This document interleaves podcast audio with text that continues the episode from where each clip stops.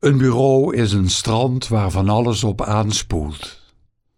In laagjes, als jaarkringen. Als je iets zoekt, vind je meestal iets anders. En soms heb je juttersgeluk. Juttersgeluk, zo heet deze podcast. Meindert Muller Heeft mooi praten. Poëzie podcast over het leven. Dan weet je het wel. In elke mens schuilt een jutter. Toch? Ken u zelf.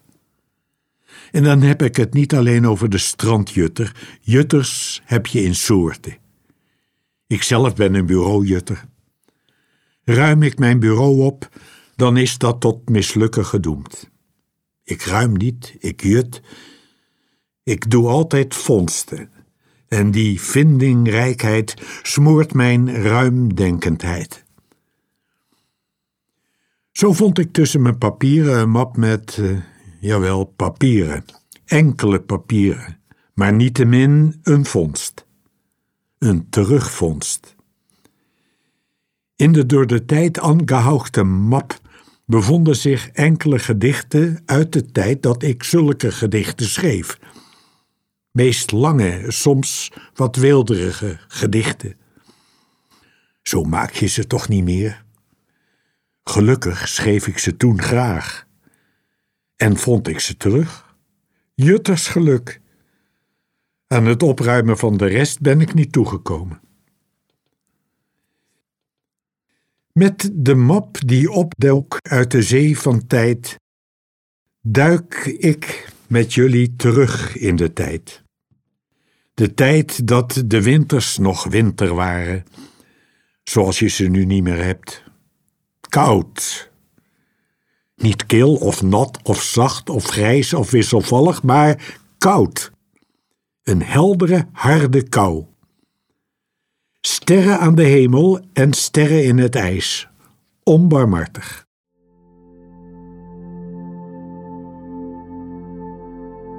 Kou. Harde maan en sterren aan een voorzichtige hemel. Beetje mist aan de grond en boven de boerderijen een lichte koorts. Rook uit de schouw van horizonhuizen. Huizen van vaders en moeders. De keukentafel belegd met lamplicht en woorden. Onder de kapstok de tassen, zwaar van verlangen. Daarboven de jassen, stug van plicht. De deur slaat dicht. En buiten vriest het. Buiten groeien de haartjes recht op de huid zoals ze waren de winters. Zoals de vogels bevroren, hun snavels gespalkt, hun poten onwrikbaar. Zoals de eenden massaal verblokte op marmeren vijvers. Zoals de kraaien te pletter vlogen, de akkers bevlekten. De besneeuwde akkers, waar ik het wachtwoord begroef en vergat.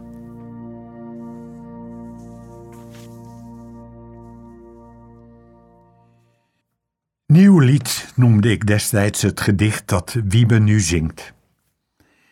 Niet echt een originele titel. En een gedicht dekkend dat niet eens een lied was. Maar dan heb je Wiebe de Vries en hoor nu eens. Zingen overbrugt de kloven in de tijd. Er bloeien bloesems voor de kleine ruiten die brassen in de hoge muren slaan. Er klinkt een teder, onomwonden fluiten, een broze wind waait soberzade aan.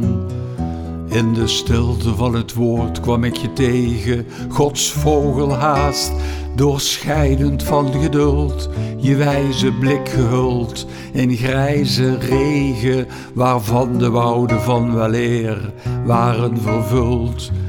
Je zwierf jezelf te buiten langs de paden die zoeken naar de ziel van het heelal.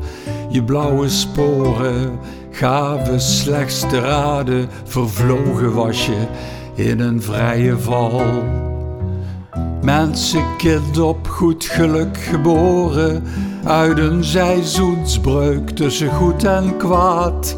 Omhoog getuimeld, boven kantelend koren, onnozel in een wereld van verraad. Hoe kwam ik jou in nieuwe woorden tegen, als een verliefde echo, parend rijm, de losse klanken aan elkaar geregen tot wachtwoord van een zeer geheim geheim. Een nieuw lied is niet enkel iets in psalmen, soms maken mensen samen een nieuw lied in blijdschap om elkaar en in een kalme verrijzenis uit dodelijk verdriet. En gaan ze met elkaar door late lanen de weg terug naar het oude mensenland. De laatste zware zekerheid vermalen en met alleen een droomlied in de mond. Ik zie de witte bloesems door de ruiten, die bressen in de muur van zwijgen slaan en horen teder onomwonden fluiten en weet jij komt ik hoor je vleugels slaan.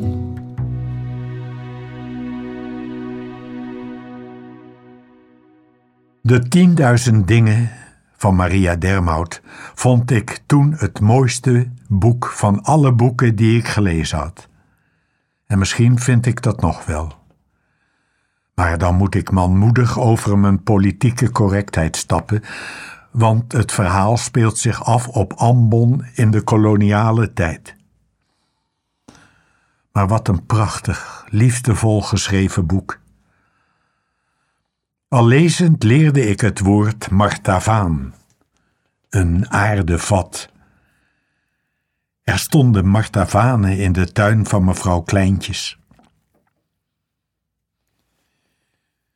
Het gedicht Wrakhout en martavanen ente ik op een citaat uit de tienduizend dingen. Een citaat dat al dus luidt het lied begon met de woorden er uit de verte naar te kijken. Had hij het zo erg te kwaad gehad?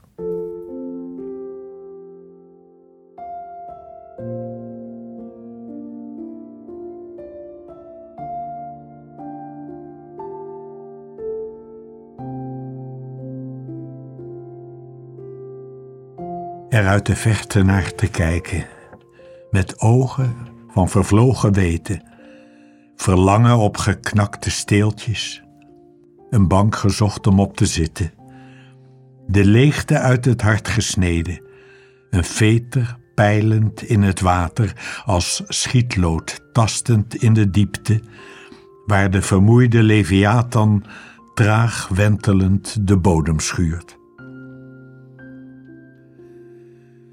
Hij zoekt nog steeds uit duizend dingen het mooiste om zijn lief te geven. De steen der wijze, specerijen, oranjeboompjes, bergkristallen, regendruppels, rozenblaadjes, kleurpotloden, ochtendnevels, nutteloze binnendijken, koel bemoste martavanen, om het water te bewaren en de liefde en de lust. Hij heeft de moed niet haar te vragen of ze verdriet en dood gekend heeft. Het zou hem helpen om de uren in dragelijk evenwicht te houden, in een zekere verdeling van licht en donker, met natuurlijk de onvermijdelijke doublures, waar gehakt wordt vallen Spaanders. Hij heeft de moed niet haar geheimen met syllaben aan te raken, gedoemd om in zijn eigen stilte er uit de verte naar te kijken. Er uit de verte naar te kijken, als schepen breken en na dagen de lijken uit de branding rollen, met het wrakhout en de schelpen en de duizend troost van wieren, heel die bulkvracht van eeuwen, opgehoest uit zieke golven die zich moedeloos weer sluiten, opgesloten in hun onmacht om ooit meer dan zee te zijn.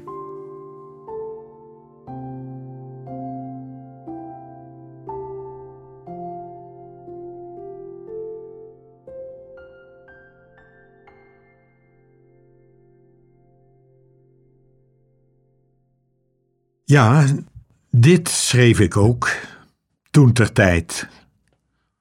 Wat een prachtig woord. En het werd, toen ter tijd, zelfs gepubliceerd in een orgaan met landelijke dekking. Jawel. Houd uw hart liefdevol vast. Dat deed ik ook bij het herlezen.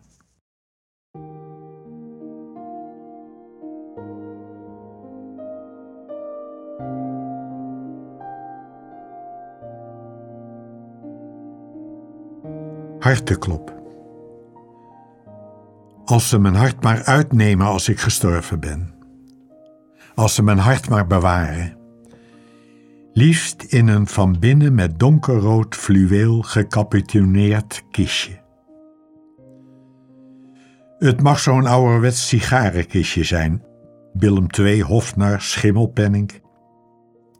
Als ze mijn hart maar niet in dat koude grijze lijk laten om te verbranden.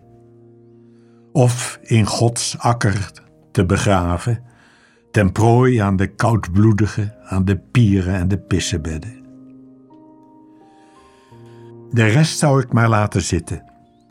Mijn doodsoorzaak, dat is de mijne, die gaat niemand wat aan. Afblijven. Van mijn verdriet hoeft niemand te leren. Mijn geheimen hoeven door geen patholoog-anatoom te worden ontleed. Ze zouden bij de eerste kerf van het laadmes ontsnappen. Mijn ziel zou met mijn tranen verdampen. Geen water zo sterk of mijn waarheid breekt uit. Naai het hele zaakje maar weer gauw dicht en stop het in de grond. Of liever, verbrand het ik heb toch zo mijn voorkeur, al wisselt die nogal eens. Vuur lijkt me zuiverder, rechtvaardiger, warmer. Maar leg mijn hart voorzichtig op een rood fluwelen bedje en doe het houten kistje dicht. Klein koperkleurig spijkertje. De reuk van tabak.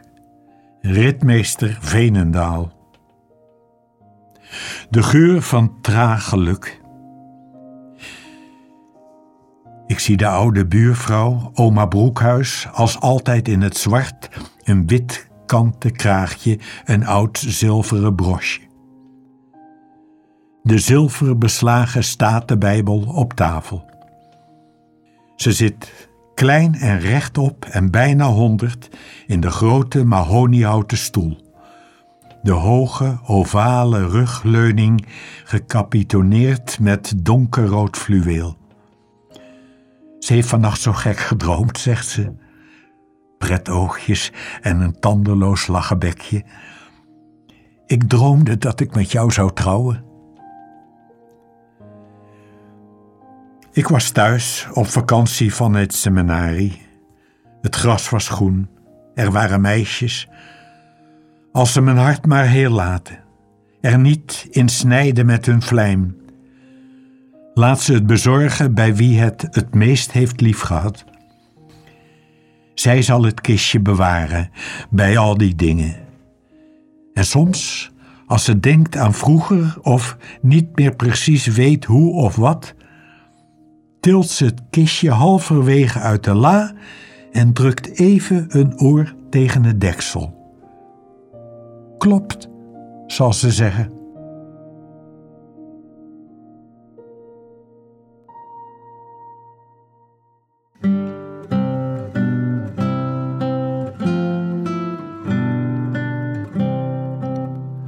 De gulden roede heeft mij diep geraakt.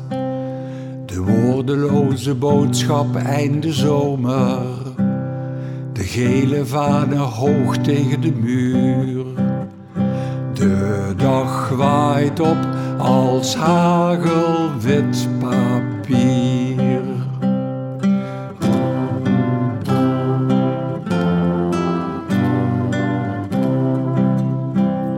Licht lost zichzelf op in lichter licht. De wet van zwaartekracht verliest al dagen aan gewicht. Ons bereiken geen berichten van het tegendeel. Er springt een adertje in een hersenpan en er ontsnapt een kleine vrolijkheid. De onderste steen duikt plagend op tussen verbaasde eenden.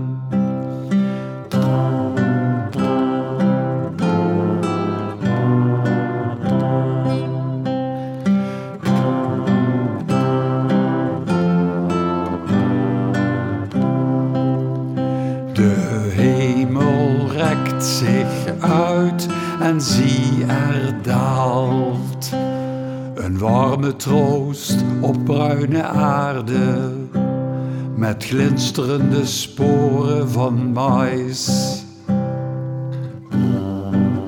en eerste kraaien.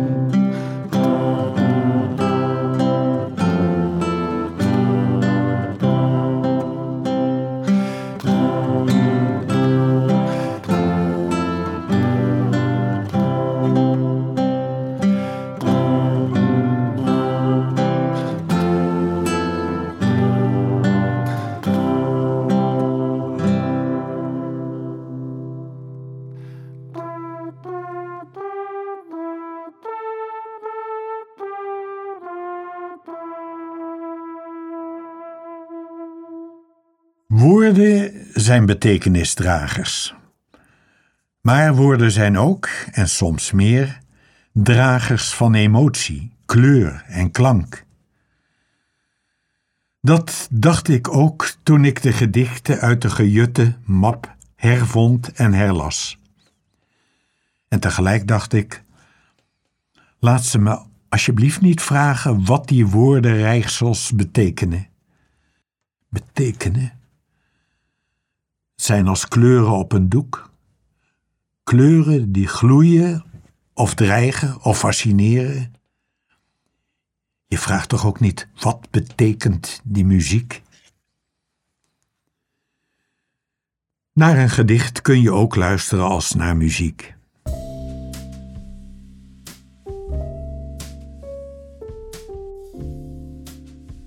Herfst maar weer. Zo raken de dagen versleten, verschalen de regens, de laatste waterweefsels, grijs spinrag over zonnebloemen. Zo ontbindt zich het klinkend festijn van de zomer, waarvan een enkele spieker nog krakend de nasmaak herhaalt. Het trage vee ademt zwaar onder een verzakkende stilte, die in eerste instantie licht aanvoelt, maar als geschiedenis weegt. Wees niet beducht voor de weerwolf. Zijn tanden verkruimelen als hij jankt naar de maan. En vrees niet de rat die oplost in daglicht. En wees niet beducht voor de spin, voor altijd verstrikt in haar web maar vrees het verdriet van de ziel. Vrees de achterdocht in de zinnen die dood in verliefdheden zaait en de glans van liederen dooft, die de muziek ontluistert, het woord in zijn oorsprong ontkracht. In tranen misschien, in vergeefse gebaren van deernis, in kijken in nauwelijks merkbaar overhellen, de toppen aanrakend, de rachtdunne opperhuid, wegkrimpend onder de ruwe hand van de wind, in naaktheid, in huizen van lamplicht, in gestamelde liefde, in gestamelde liefde, in schaduw van woorden. Slechts daarin, soms, denk ik.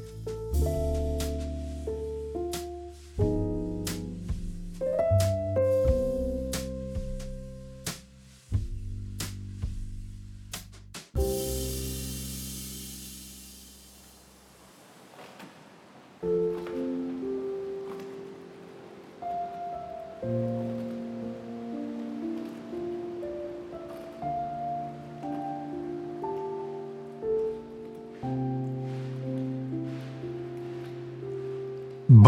even buiten Zierikzee. De kade slikt golf na golf. De kade kokhalst van water. De kade stikt haast in water. Durf niet te kijken. Knijp ogen dicht. Ogen dicht. Slaap.